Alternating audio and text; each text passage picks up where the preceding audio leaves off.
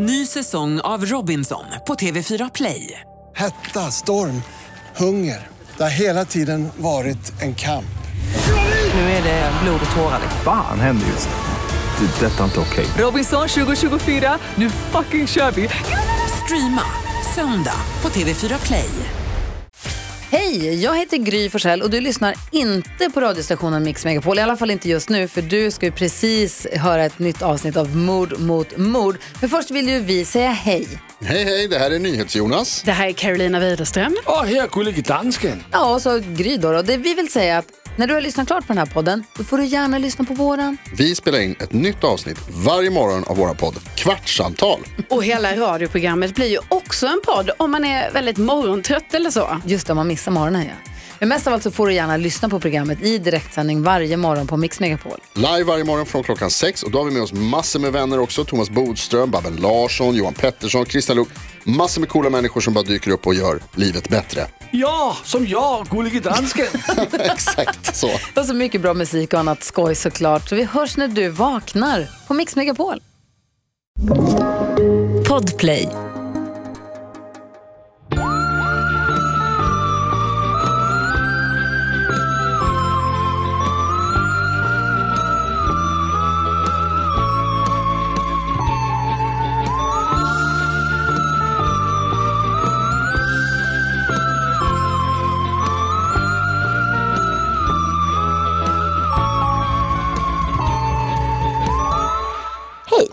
Och hej till alla er som lyssnar på Mord mot mord den här eh, onsdagen eller torsdagen i era hular, hörlurar. Den här underbara mellandagen. Det är mysigt. Det är ju typ de mest vilsamma dagarna. Det är, Är det verkligen det? det. är verkligen, verkligen det. Ehm, jag är väldigt förtjust i julen.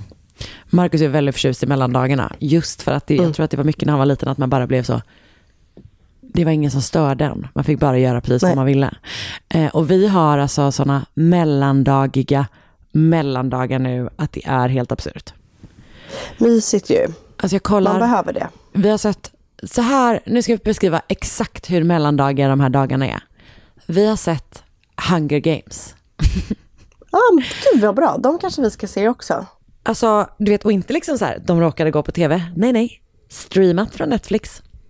Mysigt. Finns de på Netflix? Japp, allihopa. Det som är tråkigt är, för nu har vi sett ettan och tvåan. Eh, de är ju bra. Trean och fyran är ju tyvärr inte bra. För att de är ju för, liksom, för att de gjorde två filmer av en bok som vanligt. Problemet med det är att jag hade velat ha en version där de har klippt ihop de två sista filmerna till en film. Förstår du vad jag menar? Så att de liksom klipper tillbaka. För att det är liksom, eh, alltså ta det bästa från dem, sätt ihop till en. För nu, jag vill inte se trean och jag vill inte se fyran. Vilket gör att man liksom är, ja du fattar. Jag fattar. är inte bra. Men det blir ju alltid så när de gör sådär att det- den ena filmen blir väldigt mycket transport bara. Ja, och det är ju trean. Precis. Det är ju som med mina, min älskade Harry Potter.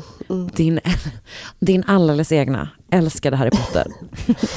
Men vad bra att du sa det, för vi kanske ändå ska ge oss på att se dem. För vi tittar också jättemycket på tv just nu. Ah, det är ju toppen. Eh, vi såg precis innan jag klev in i det här samtalet färdigt en serie Ah, vilken? som heter Dope Sick. Okej. Som finns på Disney+. Plus.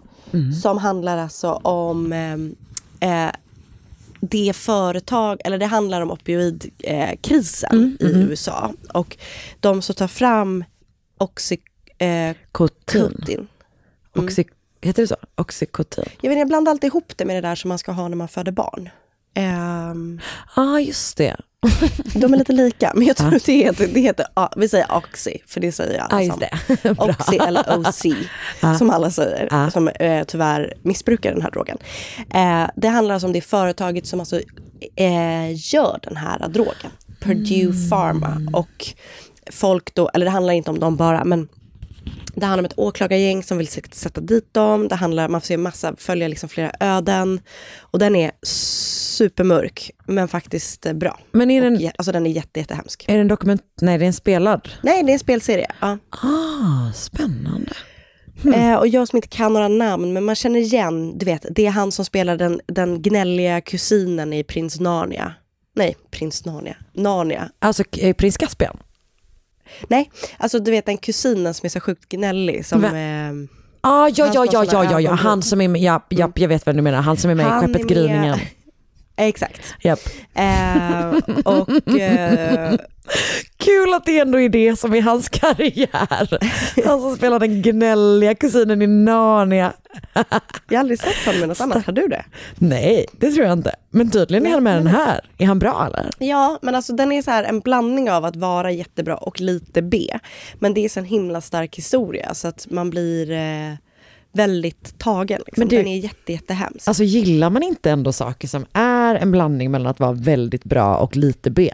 Jo, och vet du, vet du vad den känns lite som i känslan? Så här, är, du vet, eh, ehm, alltså Dirty John eh, Japp. på Netflix. Förstår du vad jag menar? Ah. Den Betty Broderick. Ah. Eh, och, och, det, den känns lite så.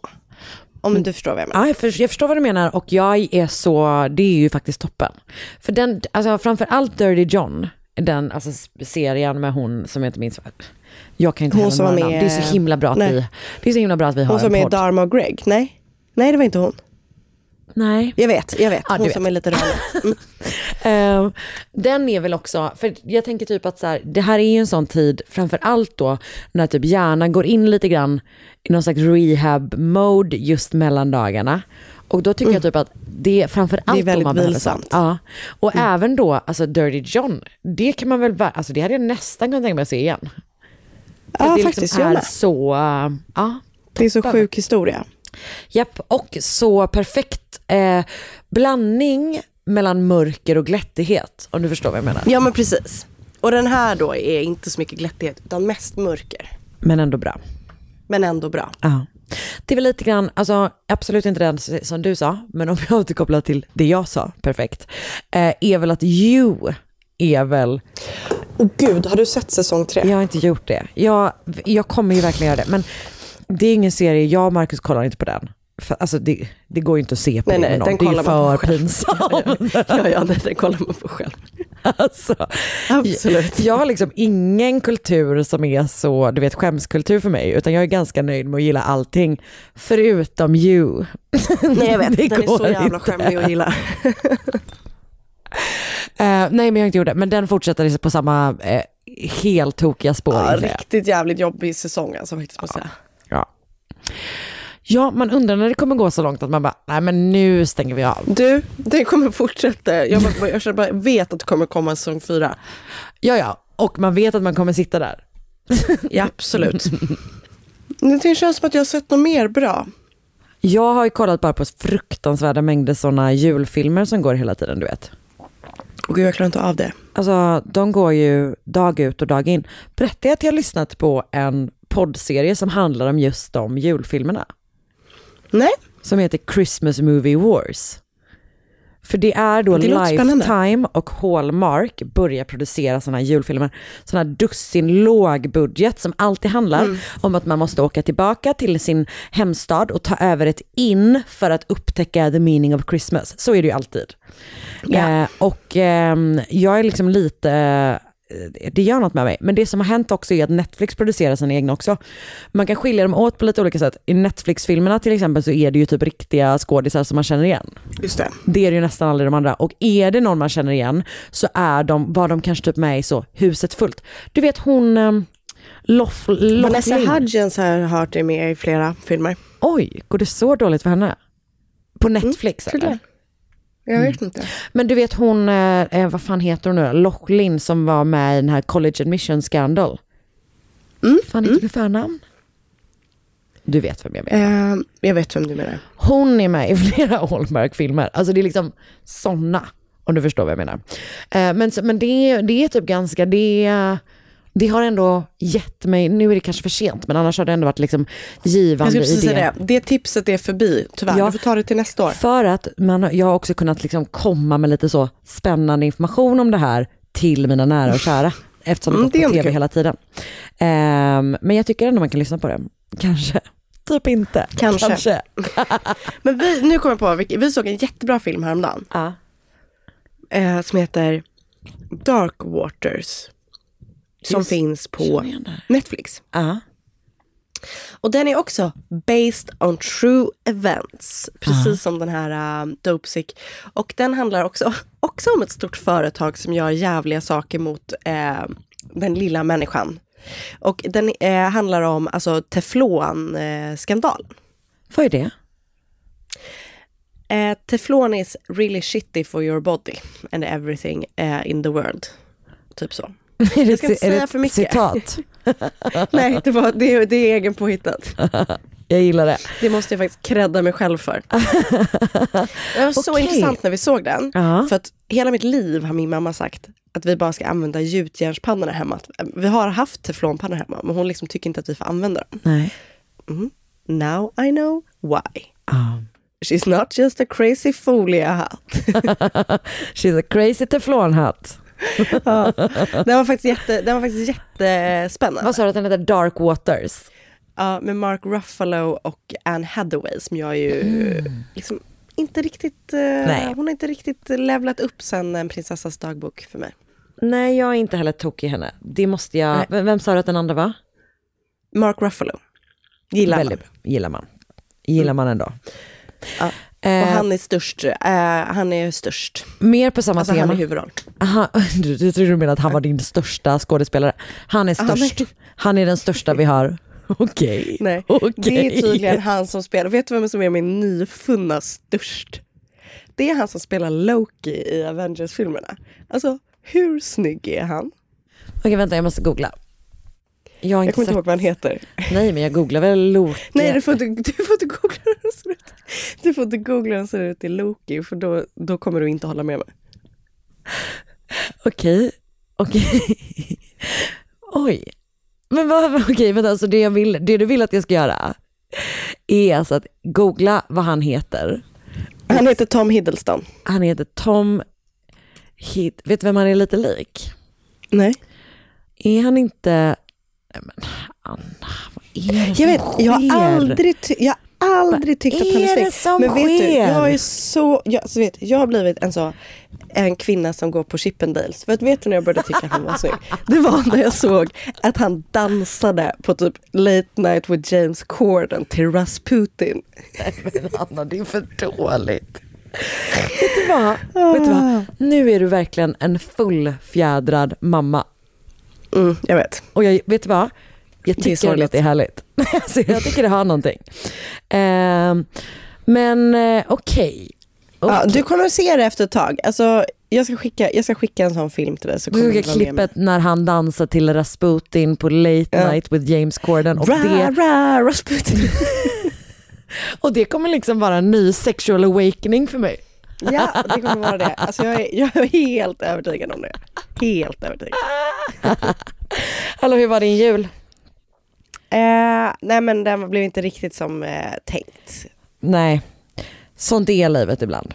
Sånt är livet. Hur var din jul? Eh, men ändå mysig. Det har varit eh, ju liksom fullt hus. Ehm, Eller vi tog hit liksom släkten istället för att åka. Våra sådana jular har ju alltid varit sådana parader runt mellan olika hushåll och det orkar vi inte i år. Eftersom hela hösten har varit en lång, lång resa runt till olika ställen. Så alla fick komma hit. Var ändå, ehm, det var väldigt mysigt. Det, Mm, nice. Man önskar att man hade bott lite större, kanske det hade varit enklare. Men det var ändå, ehm, det var väldigt mysigt att ha dem här. Det var det verkligen. Ja, och nice. eh, det var ju ehm, en och annan grej som gavs till vår dotter. Ja alltså shit, prata inte om det. Vi har, alltså, badar i julklappar här hemma. Det är synd om henne. Ny säsong av Robinson på TV4 Play. Hetta, storm, hunger. Det har hela tiden varit en kamp. Nu är det blod och tårar. Fan händer just nu. Det. är Detta är inte okej. Robinson 2024, nu fucking kör vi! Streama söndag på TV4 Play. Ett poddtips från Podplay. I fallen jag aldrig glömmer djupdyker Hasse Aro i arbetet bakom några av Sveriges mest uppseendeväckande brottsutredningar. Går vi in med hemlig telefonavlyssning och, och då upplever vi att vi får en total förändring av hans beteende. Vad är det som händer nu? Vem är det som läcker? Och så säger han att jag är kriminell, jag har varit kriminell i hela mitt liv men att mörda ett barn, där går min gräns. Nya säsongen av Fallen jag aldrig glömmer på Podplay.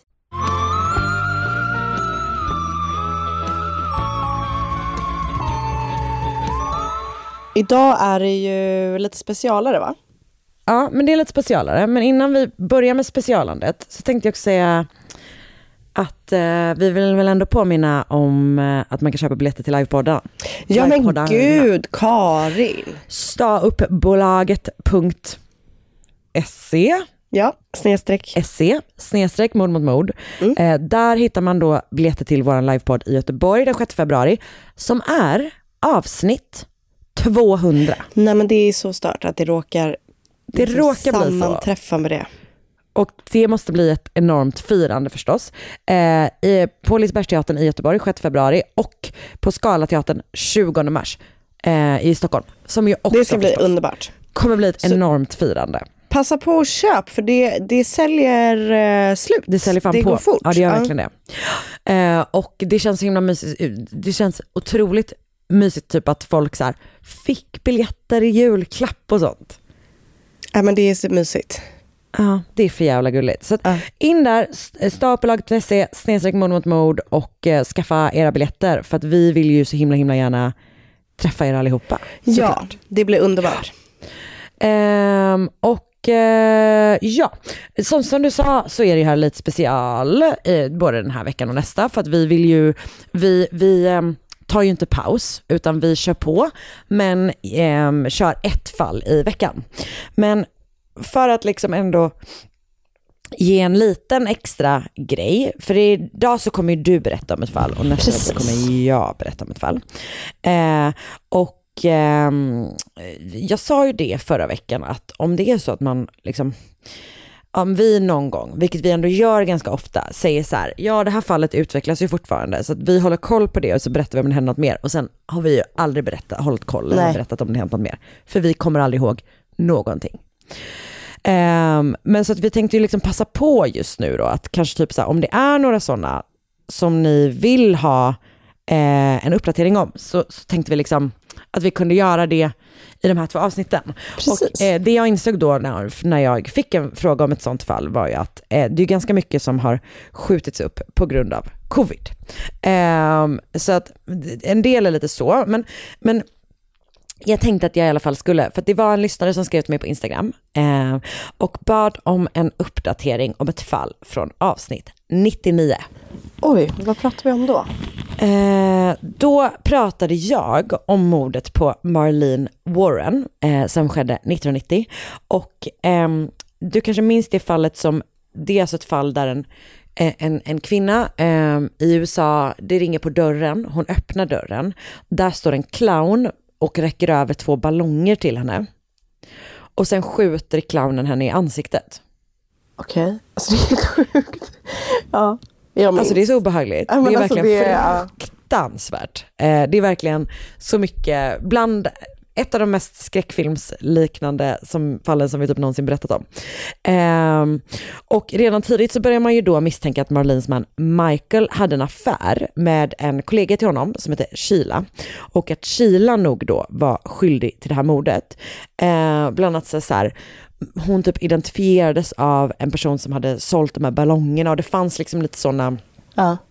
vad som ändå kändes som ganska starka bevis men fanns liksom inte så mycket tekniskt ändå kanske. Ehm, men de förnekade också då att de hade en affär, eh, de här Sheila och Michael, och eh, förstås att de också hade någonting med det här mordet att göra. Så ingen greps på 27 år. Förrän du vet man så här fick loss pengar till att typ starta en cold case-grupp i det här området och eh, kunde typ DNA-testa ehm, bevismaterial och kunde då med DNA-teknik knyta Sheila till det här brottet. Och eh, det här var då 2017. Och när man letade upp henne, hon hade liksom flyttat, typ bytt namn och du vet sådär, eh, så visade det sig att hon var gift med Michael numera. Så att där var liksom, när vi, när vi lämnade det här fallet, jag tror att det är 2019, så var Sheila, satt, satt hon häktad och väntade på rättegång. Eh, och den hade då skjutits upp den rättegången, den skulle påbörjas i maj 2020. Hon är fortfarande häktad och hennes försvarsadvokater eh, ansökte om att, eh, att hon skulle få sitta i husarrest istället för liksom, i eh, fängelse, eller i häktet, eh, i väntan på rättegång. Men det avslogs. Så hon har ju suttit jättelänge, alltså hon har suttit häktad i fyra år typ. Shit. Och först skjuter man då upp rättegången på grund av corona och sen så skulle den eh, blivit av i september i år. Eh, men i somras så ansökte försvaret om att skjuta upp rättegången eftersom pandemin, att det gått så lång tid sedan mordet och att vittnena är liksom väldigt utspridda. Eh, det hade ju då gjort att de inte tyckte att de hade hunnit förbereda sig. Så att nu är den rättegången planerad till den 21 mars 2022. Så Okej. ändå ganska, Så nästa ganska snart. jul får vi följa Nästa upp igen? Jul, då följer vi upp igen.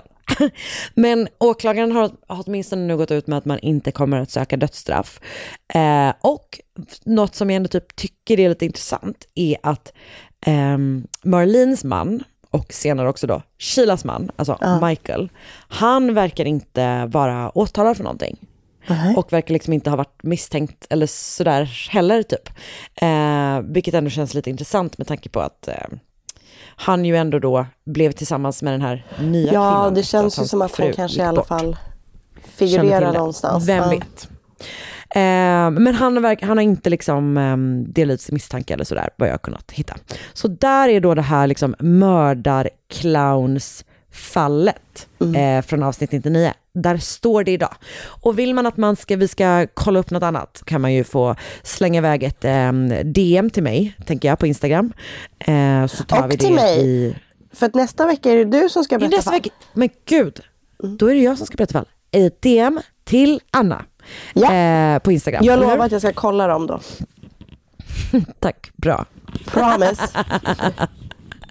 Eh, att Sandell Anna heter du där. Så att om det är något fall ni var så här, "Eh, men kan ni, vi vill gärna veta vad som, som sagt, återigen, vi minns ingenting, ni måste hjälpa oss. Eh, Ja. Så kan ni skriva till Anna där. Och eh, annars så kör vi bara ett, eh, ett vanligt Något annat fall, gott. tänker jag. Ja. Ehm, så med de orden så ehm, sätter vi igång va? Det gör vi. Och eh, det är jag som börjar. Japp, det är du som bara... Eller det, det är bara jag som bara kör. du. Oh det my God. är The Anna Sandell Show! Joyce McKinney växte upp i North Carolina i en liten stad i Blue Ridge Mountain i bergskedjan Appalacherna med sina föräldrar som var lärare och rektor på en skola i staden. Hon var duktig i skolan, du vet, både väldigt så skötsam och hade bra betyg genom hela skolgången. Redan som liten så älskade hon skönhetstävlingar och fantiserade om att ställa upp och vinna en sån. Hon började redan som liten också att ställa upp i sådana olika lokala skönhetstävlingar. Eh, men eh, det verkar som att hon aldrig vann någonting som liten. Hon gick ut ur skolan 1967 och då började hon plugga på East Tennessee University och när hon var klar där så läste hon en master på University of North Carolina. 1973, då är hon typ 23 år gammal, eh, gav hon sig in i ännu en skönhetstävling. Och den här gången vann hon. Och hon kunde äntligen titulera sig som Miss Wyoming. Däremot så läste jag någonstans att det här inte var den riktiga Miss Wyoming-tävlingen, eller vad man ska säga. Och i den här artikeln där jag läste det så stod det att man Not to be confused with the legitimate Mi- Miss Wyoming contest, contest which features outstanding women each year. Vilket verkligen känns som, som, en, som en rollfigur i Miss Congeniality, typ, hade kunnat säga. Du vet, hon som eh, spoiler alert för eh, Miss Secret Agent här. fan du vet hon är. som är bombkvinna. Japp, japp, hon hade japp. typ kunnat säga en sån sak. Ja, Ehm, 100%. Ah.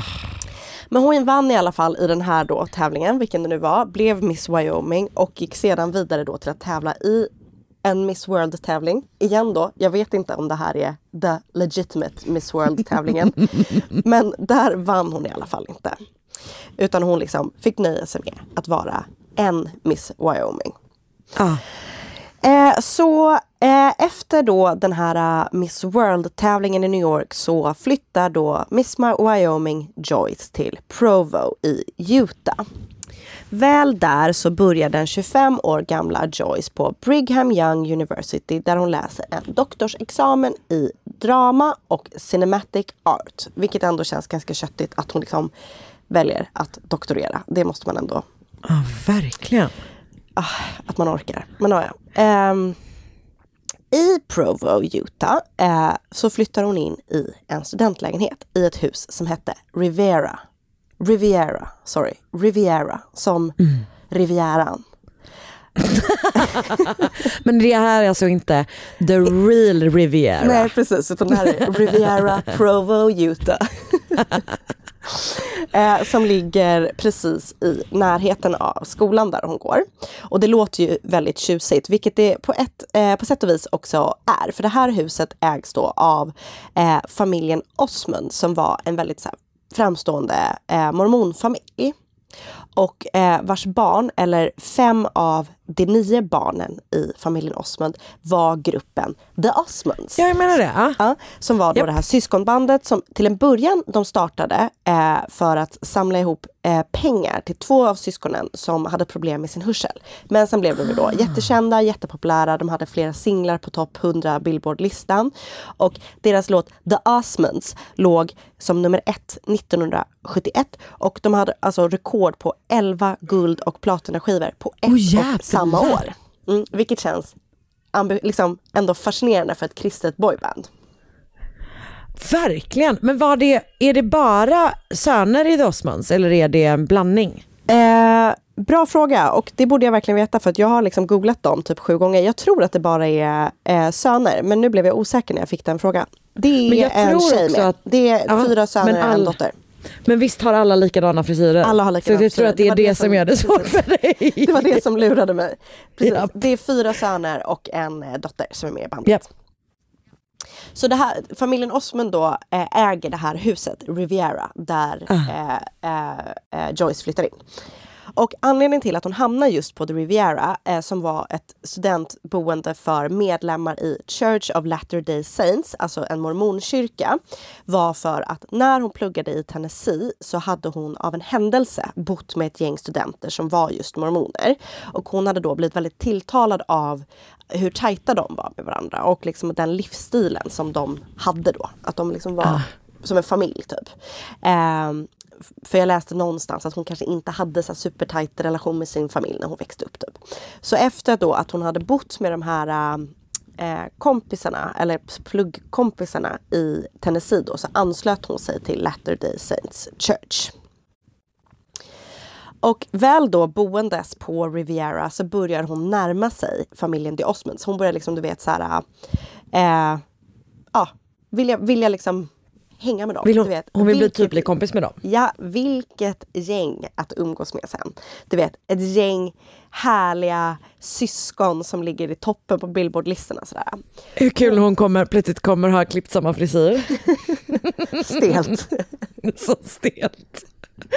Hon är blond och eh, så det hade väl gjort att hon stack ut lite då. Men ehm, eh, det hade varit väldigt kul. Hon var väldigt, väldigt kul. Eh, hon skulle senare också påstå att hon hade haft ihop det med eh, någon av bröderna i bandet. Något som den här personen då, den brorsan och hela familjen Osmund förnekar. Liksom, de säger så här, ja vi vet absolut vem hon är men vi har liksom aldrig varit nära henne. Typ så. Nej.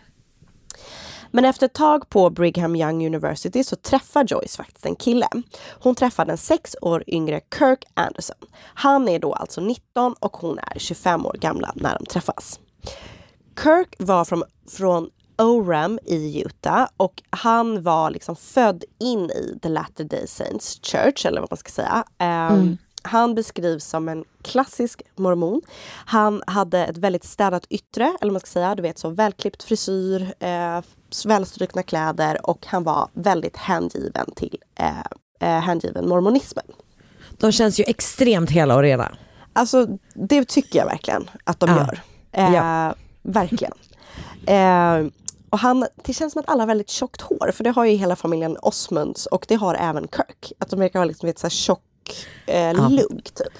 Ja, God bless them with great hårkvalitet. Exakt så. Japp, Join japp. me and I'll give you a great set of hair. Även Verkligen. Joyce har faktiskt en eh, schysst eh, frisyr måste jag säga. Även om hon inte är född in i den här kyrkan. Men han och Joyce, Kirk och Joyce inleder en typ av relation och de dejtar varandra och efter ett tag så fullbordar de också sin relation. De ligger alltså kort och gott med varandra.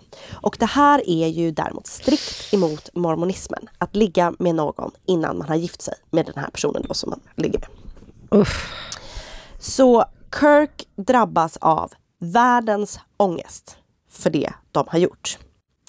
Så han gick till deras kyrka för att erkänna vad han och Joyce har gjort. Och eftersom han har så dåligt samvete så bestämmer han sig för att lämna Provo, Utah och åka utomlands för att missionera sin tro. Han sticker utan att berätta för Joyce vart han ska. Och du vet, han bara sticker. Och till saken hör kanske också att Kirks då familj verkar tycka att Joyce inte är kanske Toppen. den perfekta flickvännen eller Nej. blivande frun till deras son. Och hon blir ju såklart supersårad. Och eh, enligt Joyce så hade deras enda samlag med varandra resulterat i att hon blev med barn men att hon tidigt i den graviditeten hade drabbats av ett missfall. Alltså tänk att man ligger med någon och de lämnar landet. Nej, alltså verkligen. Hon vet dock inte att han har lämnat landet först, men han gör det i alla fall. Han, ja. eh, och, eh, så, så hon är skitledsen, såklart. Eh, och, men hon nöjer sig liksom inte med att bara sörja och gå vidare. Utan hon bestämmer sig för att göra det hon kan för att hitta Kirk. Så hon, eh, du vet, eh, åker till LA, tar lite så här acting gigs för att tjäna lite pengar, anlitar en privatdetektiv som hjälper henne att söka efter Kirk. Och hon letar liksom runt lite i landet, eller vad ska jag säga. Men hon är inte gravid utan hon har, hon har förlorat barnet liksom. Precis, och jag ska Ja. säga så här, jag vet inte om hon var gravid, men hon Nej. säger det. Men Ja. jag, så, så det var hon kanske, absolut. Men hon är inte, har inte ett barn i magen när det här händer, utan hon fick Nej, jag ett missfall. Ja.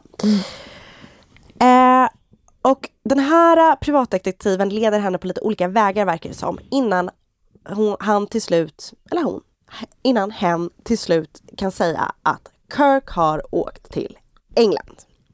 Han befinner sig närmare bestämt i Ewell, kan det heta så? I Surrey. Vad sa du att det hette? Ewell Ewell. Mm. Ja. i Surrey för att missionera sin tro där i sån dörr till dörr missionering eller vad man ska säga. Alltså du vet. Gud, oväntat att han åkte till England. Ja, men där hamnade han i alla fall. De kanske Ja. behövde expandera där. Japp. Eh, så han bor där liksom och går du vet som en sån eh, eh, Jag tänkte liksom bara på dammsugarförsäljare. Men Ja. liksom du vet så. Och knackar dörr helt enkelt. Men Joyce bestämmer sig då för att åka efter. Och med sig tar hon sin vän Keith May. Eh, och med sig på resan, och det är oklart, jag, jag tror i och för sig att de träffar de här eh, i England. Eh, men de kommer också ha med sig i sin lilla grupp då två livvakter som de har hittat på annons i tidningen. Okej. Och när de gör den här resan så är det enligt Joyce då att de åker dit för att rädda honom. Hon menar att kyrkan Latter Day Saints är en sekt som han måste bli räddad från. Men- Väl framme i Ewell, så, i Surrey, så söker Joyce och Keith upp den här kyrkan där Kirk är aktiv. Och eh, sedan åker hon och Keith dit. Och vad som händer där på kyrktrappen går isär beroende på vem som återberättar historien. Men tre dagar efter det mötet på kyrktrappan så dyker Kirk upp på polisstationen i Ewell. Och så börjar, ja, nej, precis, han dyker upp där. Punkt. Så nu ska jag börja med att berätta vad han säger har hänt sedan de träffades. Vad fan? Okej, så Kirk har då den här dagen 1976 i september i lugnan ro varit på väg till kyrkan. Det är liksom en helt vanlig dag för honom och så möts han av Joyce. Som han har lämnat efter en kort romans i Provo och helt plötsligt står hon då på en kyrktrappa tvärs över Atlanten. Han blir säkerligen ganska paff och än mer paff blir han då när han ser att Joyce håller en pistol i handen. Hon säger åt honom att följa med henne till bilen som står parkerad på gatan. När de väl kommer fram till bilen sitter Keith i bilen Och framme i bilen så använder Joyce och Keith sig av kloroform för att göra Kirk medvetslös. De packar in Kirk i bilen och sen kör de till en stuga på landet som Joyce har hyrt.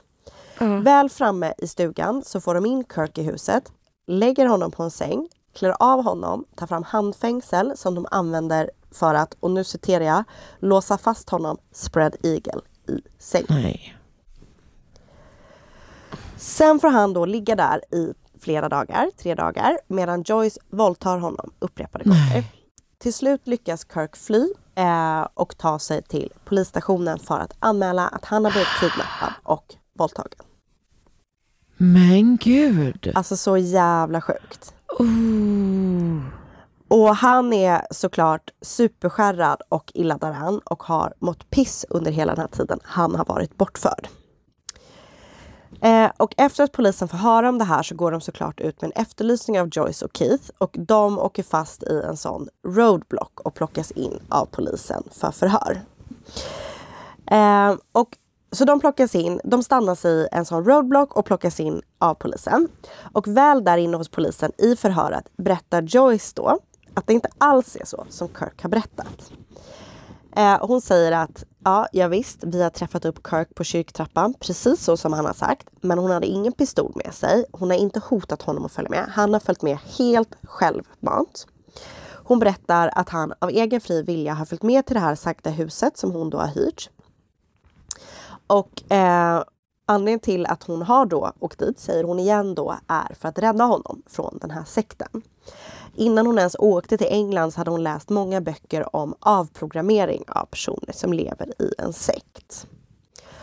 Hon säger att det sex de har haft har varit av fri vilja från de båda men att han hade problem med impotens i början eh, och att det var därför hon hade använt sig av handklovar. För att hon trodde att det var det enda sättet hon kunde få honom att njuta av sex just då.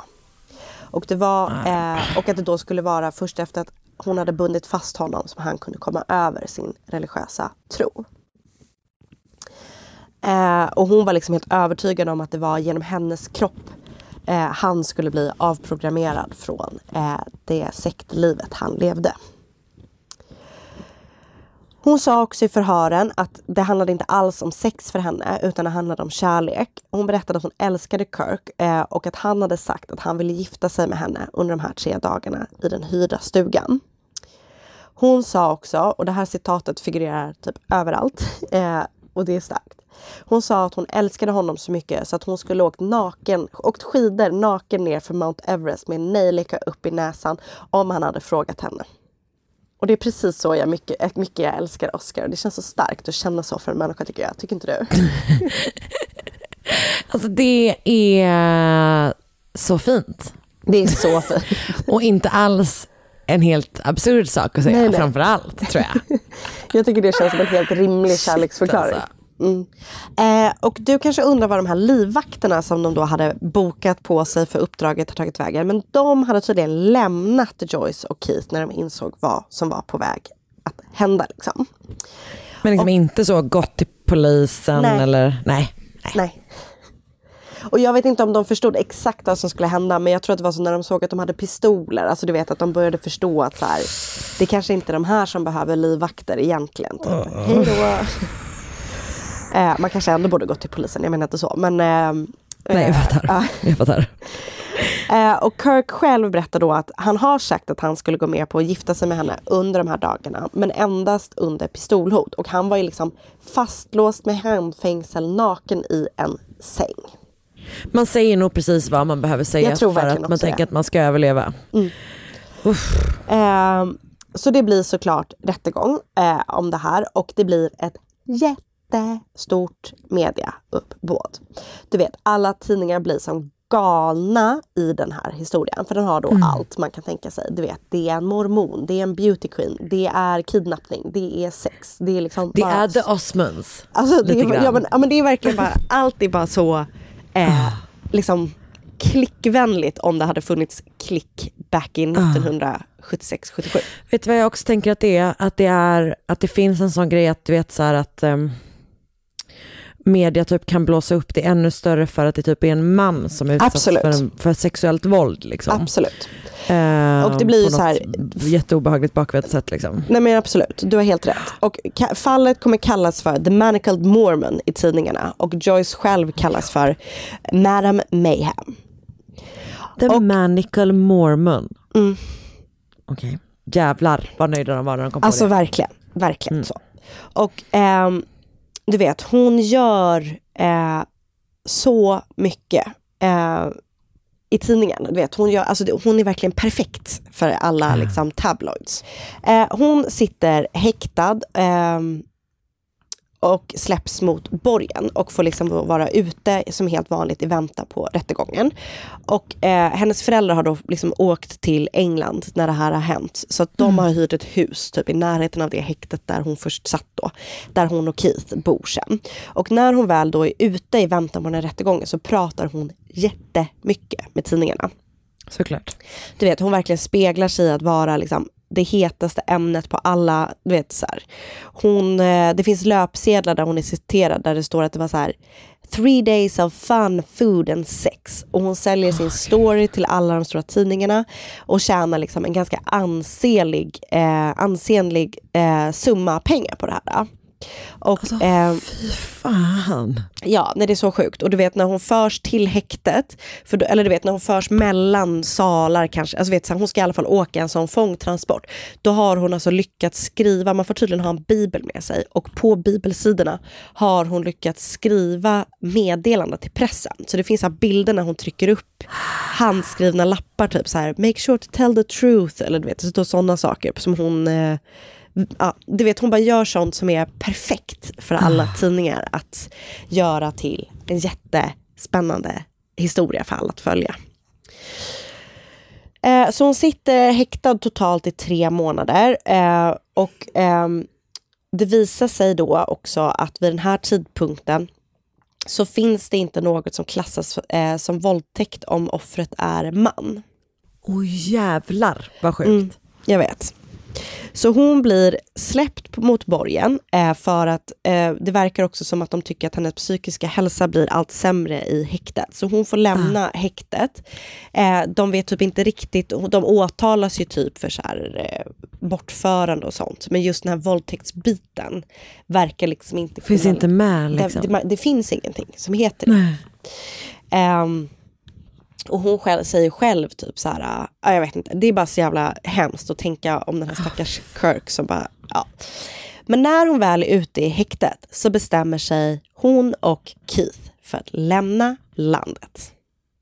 Så de drar liksom från sin rättegång.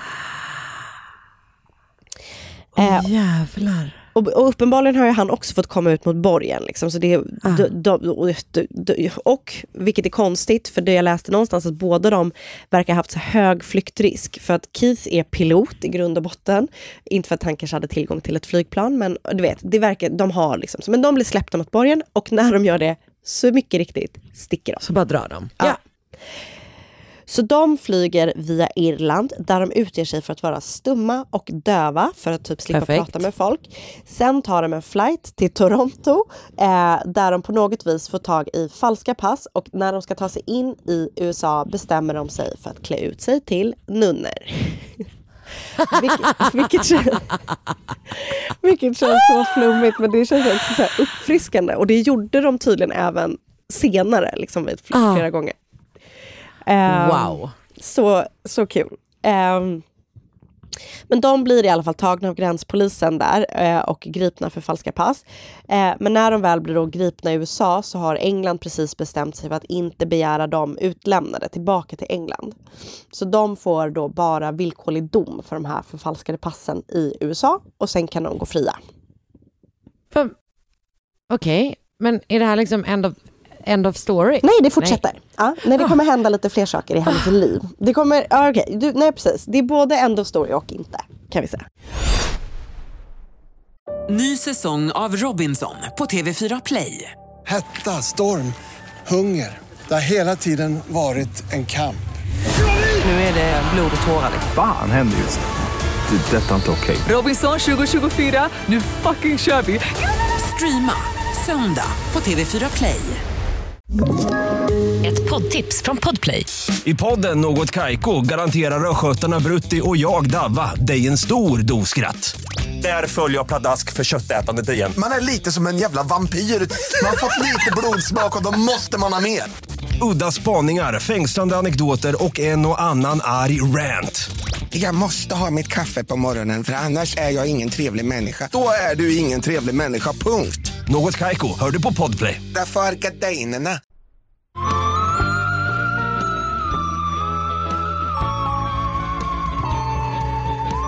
Men vadå, så de, de blir inte utlämnade trots att hon eller de har liksom så här kidnappat och typ torterat en person i tre dagar. Så Nej. blir de bara dömda för att ha förfalskat pass. Ja, exakt så. Vad i helvete? Nej jag vet. Det Vänta, är när så sa vi att det här är? 1977. Vad fan? Det är så upprörande, ja. jag vet. Mm. Jag vet, det är hemskt. Och väl hemma i USA då så håller Keith och Joyce ihop och eh, det verkar vara som vänner med lite kanske mera, eller vad man ska säga. Eh, för de kallar sig för vänner fast det verkar som att de typ lever som ett par. Trots då att Keith är medveten om att Joyce fortfarande är kär i Kirk. Och eh, under en period eh, efter att hon har, kom, de har kommit hem då till USA så fortsätter pressen där också att vara väldigt intresserad av henne. Och hon blir bjuden på du vet, så här, massa olika fester och premiärer och du vet, får umgås med kändisar och du vet så här. Hon lever typ sitt toppliv. Men det mynnar ut och sen försvinner hon in lite i glömska, eller vad man ska säga. Kirk, även han återvänder hem till USA efter allt det här hemska han har fått utstå. Han lever ett stilla liv någonstans i Utah där han då har liksom gått vidare och skaffat sig eh, du vet, en fru, han, de har tre barn och sådär. Så att han verkar ändå så här, ja, ett helt vanligt liv där. Men 1984 så väcks den här historien till liv igen. För i mitten på 1984, 1984 ungefär så griper polisen Joyce ännu en gång. För då har Kirk sett att Joyce har suttit utanför hans jobb upprepade gånger. På, han jobbar på Salt Lake City Airport. Alltså han bor då i Salt Lake City uppenbarligen. Eh, och, eh, och eh, hon har suttit i en bil utanför flygplatsen ett flertal gånger. Och han tycker att det är skitjobbigt. För han är ju helt säker på att hon liksom bara skulle vara helt borta ur hans liv. När hon helt plötsligt då, sju år senare, bara sitter utanför hans jobb. Alltså flera gånger. Alltså det är så sjukt. Och eh, när polisen väl griper henne så hittar de en anteckningsbok där hon liksom typ har fört journal över vad Kirk gör under en dag. Jag tänker mig att det är så. 8.30, lämnar hemmet. 8.42, köper en latte, typ. Du vet så. Eh, men så hon har liksom skuggat honom flera dagar, alltså vet så här, under en, en period har hon fört liksom så här, allt han gör skriver hon upp. Ut, utöver boken så hittar de både handklovar och typ rep slash kedjor, lite beroende på vilken eh, källa man eh, går till. Eh, han är, blir ju skiträdd liksom eh, och tror att eh, hon ska vara borta ur hans liv när hon plötsligt, helt plötsligt bara dyker upp igen. Hon då menar att hon bara vill prata med Kirk och vet, höra hur han har det nu för tiden. Eh, men det blir ju liksom en polisiär grej av det här igen. Men även det här fallet avskrivs när Joyce ännu en gång inte dyker upp i rätten på sin rättegång. Men Gud, så praktiskt ändå. Alltså bara, jag- nej men jag bara kommer inte. Nej, men jag så är det fattar här typ borta. inte riktigt hur det funkar. Men hon liksom bara hela tiden bara glider ur. Eh, Men den första är ju web. helt absurd. Men i det här fallet så tänker jag typ att det kanske är så här att det inte då anses vara, alltså om man bara ser det som en isolerad Nej. grej, Mm. exakt. Men jag menar uppenbarligen så är det ju inte toppen. nej, Eh, det får man väl ändå säga. honom. Ja, jättehemskt. Men det verkar i alla fall då som att Kirk på något vis kan gå tillbaka till sitt liksom, vanliga liv och det dröjer ännu en gång länge innan Joyce ska hamna i rampljuset för något annat hon har gjort. Och nu är vi... Eh, liksom får vi hoppa fram lite i tiden. 2008 hamnar Joyce igen i eh, rampljuset. Fast under ett annat namn. För nu eh, är det då Ber- Bernan McKinney har... Alltså, förlåt, säg det igen. Bernan. Hon heter det. Bernan? Bernan. Som, som nästan som Bernard, fast inte riktigt. Ja. Bernan McKinney. Bernan. Mm. Under det namnet har hon kontaktat ett labb i Seoul i Sydkorea. Hon har bett det här labbet om en sak som kanske inte är helt vanligt. Eller vad man ska säga. För kort innan eh, där hon har då kontaktat det här labbet så har Joyce älskade hund, en pitbull vid namn Booger, dött. Så när hon hör av sig till det här labbet så har hon ett önskemål. Önskemålet är att klona den här döda hunden. Labbet säger att priset för att göra det här är det ringa priset av 50 000 pund. Men Joyce lyckas pruta ner det priset med löfte om att göra reklam och skapa mycket publicitet för det här sagda labbet. Fan, man vill inte pruta på sin kloning ändå. Alltså för det- man vill inte ha en off-brand kloning. Alltså Nej, förstår du vad jag menar? Absolut. Att det är typ såhär, nej men det är din hund men liksom Nej, nej. han är vänd bak och fram typ. Alltså vissa saker ska man bara köpa det dyraste. Verkligen. Ja. Men hon verkar i alla fall kunna pruta ner och jag tror att det hamnar på det ungefär halva priset. Alltså 250 000 pund. Nej, två- eh, 25 000 pund, sorry. Ja. Ehm, och eh, hon har då med sig, enligt utsago, Boogers öra som hon har förvarat i frysen sedan den dagen han hade gått bort. Det tar hon då med sig till Seoul för att återskapa sin älskade hund. Och så som jag förstår det så är det här uppdraget det första kommersiella uppdraget för att klona en hund någonsin. Och eh, kloningen av Booger går bra. Den resulterar i fem små hundvalpar. Och av dessa fem skulle hon resa hem från Seoul med en. Vad gör med de andra? Jag tror att de är kvar i Sydkorea. Jag, det Okej. framgår inte. Men det finns en bild på henne med alla hundarna.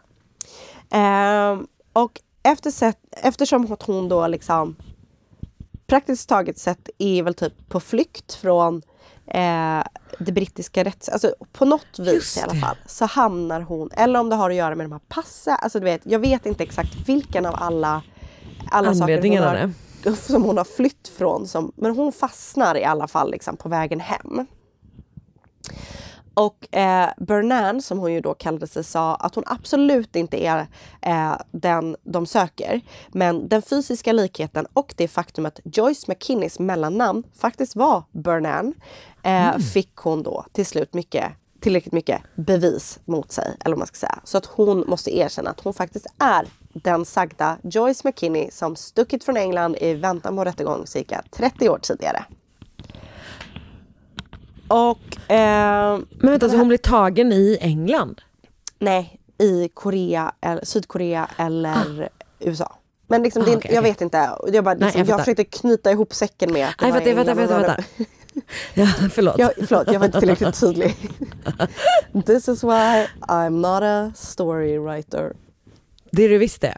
And you're Eh, doing amazing. Tack. Ehm, nej men i alla fall. eh, så att både den här liksom kloningshistorien och det faktum då att hon har varit så här, gjort allt det här hemska mot Kirk och du vet, hennes, allt som är spännande kring henne. Eh, verkar ju då liksom främst vara media som liksom, de, de uppskattar ju henne jättemycket. Liksom. Så efter kloningen av hundarna så bestämmer sig dokumentärfilmaren Errol Morris för att göra en dokumentärfilm om Joyce och hur pressen följde efter henne. En dokumentärfilm som fick namnet Tabloid, väldigt passande namn. Och eh, hon går ju liksom med på att göra det här. Och eh, eh, ställer upp och blir intervjuad mycket och du vet sådär. Men Ja. bara fem år efter att den här filmen har släppts bestämmer sig Joyce för att hon ska stämma Errol Morris. För eh, hon trodde att när de gjorde den här filmen, eller hon gick med liksom eh, med eh, premissen att hon skulle framställas i goda dagar. Liksom. Man bara, Men jo hon- men sluta vara en helt st- störd person. Du, är- Man har ändå något slags ansvar själv kan jag tänka. Lite så. Eh, jag håller med. Men hon tycker då att de har framställt henne som en helt galen person i den här eh, Well. dokumentärserien. Hon anklagar också Errol och hans dokumentärgäng för att ha stulit manus till eh, den memoar som hon började skriva redan 1977. En memoar med namnet A Very Special Love Affair. Nej men Och- vad fan. Och eh, Errol Morris eh, gick sa att han kunde gå med på en förlikning där, de betal- där han skulle betala Joyce 65 000 dollar. Men hon ville inte det. För att hon menade att det här ska gå till rätten. För de har tjänat så sjukt mycket pengar på en dokumentär om henne och hon vill få del av den kakan. Eh, Så nu vill hon gå det- till rätten? Ja, men exakt. Nu passar det. Som Mm. jag förstår det så avskrivs det här fallet och hon får inte en spänn. Liksom. Och efter det så har liksom eh, det... Alltså så här, ge- generellt så kanske hennes liv inte har varit bara easy sailing. Eh, så. Det, eh, och efter det så verkar det liksom eh, gå neråt eh, ordentligt för henne. Eller man ska säga. Hon lever då i en van tillsammans med tre hundar och har liksom inte mycket annat. Och 2019 ska hon återigen hamna i tidningen och den här gången är det av en väldigt sorglig anledning. För i juli 2019 så grips Joyce igen för att ha varit involverad i en så kallad hit and run. Joyce har då alltså fångats på övervakningsbilder när hon kör på en 91-årig man vid namn Jenny Bolotsky som också eh, råkade vara en överlevare från förintelsen. Hon kunde identifieras av flera boenden i områden eh, där dödsolyckan hade skett. Och eh, hon ställdes såklart inför rätta eh, där hon åtalades för eh, flera olika saker, bland annat fordonsdråp. Men i den här rättegången, så där hon stod eh, inför risken att få ett straff på 11 år, vilket kan kännas lite eller normalt, jag vet inte.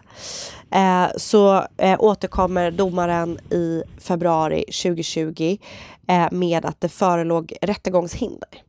Och jag vet inte om det beror på antingen medicinska eller psykiska skäl. Nej. Men eh, så som jag liksom bara kan försöka läsa, men det finns väldigt mycket om hennes tidiga historia, väldigt lite om de här sista Ja. sakerna. Eh, men det verkar som att hon inte får ett straff för det här. För att hon antagligen antingen är... ehm, Eh, alltså att hon är sjuk på något vis skulle jag tro. Men alltså, det här är liksom en person som aldrig... Nej, Som som, bara aldrig... glider ut hela tiden. Verkligen. Det är så sjukt. Och det är så hemskt att den här stackars gamla mannen eh, liksom Ja, och fick det är så avsluta hemskt. den här hemska historien. Liksom. Det är bara Ja, och det är så hemskt att den här första, vad heter han, Kirk? Ja. Att han liksom har fått se sin typ förövare liksom blåsas upp som någon slags lustig figur typ i pressen. Ja, Medan för det är ju han verkligen typ, det hon blir. Ja, och han typ måste liksom deala med ett, vad som man bara kan anta är ett enormt trauma av att typ ha varit så kidnappad och blivit utsatt för sexuellt våld i tre dagar. Nej, jag vet. Usch. Man kan fan inte ens tänka på det. Fy fan. Va? Gud vad han måste liksom känna sig sviken av samhället typ. Ja. Eh, både liksom rättsväsendet och media och oh, gud. Nej, jag vet. Man, ja, Men det vilken är så- jävla historia. Eller, Eller hur? Alltså, vilket levn, levnadsöde typ. Ja. Helt eh, bisarr historia. Gud vad man ändå trodde att kloning skulle bli en större del av våra liv. Ja, alltså Det var verkligen. så på modet ett tag. Men jag är glad att det inte är det, måste man väl ändå säga. Ja, jag håller med. Jag håller med. Det är liksom som att man också trodde typ att så um, kvicksand en Jag, väldigt vet, Karin, jag tänkte precis säga det, men så tänkte jag så här, jag tror att vi har sagt det för många gånger i den här podden, så jag vågar inte säga det. Men tack, nu gjorde du det. Vi säger det igen och vi säger även termiter. Ja, alltså finns ens kvicksand? I haven't seen vi it säger, once. vi säger, nej, men eh, jo. Ehm, Alltså jag vet att det finns, men det är ju inte så aggressivt som det utmålas. det, nej men exakt, det är exakt, det är en lite annan, ja. ja. Lurigt. Inte lika, Lurigt av Disney. Lurigt, lurigt precis även som kloning. Ja. Inte självklart. Men alltså, så jag bra. hoppas verkligen inte att kloning blir en, för, en grej. Alltså, tänk jag, tror inte det, jag, tror, jag tror inte det behöver vara det, jag tror att det redan hade varit en grej Okej, okej, okej. Ja, Får ett Dolly, var det typ Får ett Dolly, peak kloning. Ja, okej. Jag kanske kan släppa min oro för det. Jag vill tror inte det, se jag massa det. annor. Kvicksand däremot. Ja, nej, precis. Okej, nej men så att det var i alla fall historien om Joyce McKinney. Eh, och alla hennes galna, jag ska inte säga galna, precis så, alla hennes eh, hemska saker som hon gjorde i livet. Ah, Så jag har läst en artikel som heter The Beauty Queen and the Mormon på independent.ie och eh, en artikel som heter Joyce McKinney, Kirk Anderson and the Manacled Mormon Case på All That's Interesting skriven av Gina DeMuro. Och så har jag läst Cloner Dog, Dogged by Sex Scandal på Time eh, skriven av Michael Brunton. Beauty Queen kidnapped Mormon ex-lover and kept him handcuffed as a kinky sex Mm. slave in remote cottage på Daily Record skriven av Ryan Perry och Steve Mayall. Förlåt men kinky sex Nej jag slave. vet. Man och bara, det är precis nej, nej, det som är skitirriterande. Att det är så... Att allting är så. Ja, och det var någon, eh, ja, det var nog inte domaren, men det var någon person som var liksom inom jag tror som var inom rättsväsendet, eller om det var en reporter, jag, jag minns inte, osäker. Mm. Som sa typ så här: I never had a good, good thing like that happen to me. Som att Oh folk typ God. tyckte att det liksom var en dröm att bli... Eh, alltså det är så jävla vidrigt. Eh, så skit, skitstörig eh, rubrik, enig, och den är vanlig. Jag har också Japp. lyssnat på podden Mens Rea där avsnittet heter Joyce McKinney och så har jag sett en kort Youtube-dokumentär som heter The Bizarre Life of eh, Manacled Mormon Mastermind Joyce McKinney. Helvete Anna, vilken jävla historia eller? Så sjuk. Uff. Ja. Gud vi ser den här dokumentären. Jag vet, den är skitsvår att hitta. Ska jag säga. Ja, jag kan tänka mig det, Mm. jag fattar. Ja, men du, tack så jättemycket för den här Ja, otroliga själv. genomgången av den här absurda, absurda historien. Ja, galet. Och tack till alla er som har lyssnat. Det tackar vi för. Så hörs vi igen nästa vecka. Ja, och glöm inte Mord mot mords live show coming to Gothenburg and Stockholm. Sta See you there. uppbolaget.se snedstreck mord mot mord så Ja. ses vi där. Och gott nytt år! Hej då! Ny säsong av Robinson på TV4 Play. Hetta, storm, hunger. Det har hela tiden varit en kamp. Nu är det blod och tårar. Fan händer just nu. Det. är Detta är inte okej. Robinson 2024, nu fucking kör vi! Streama söndag på TV4 Play.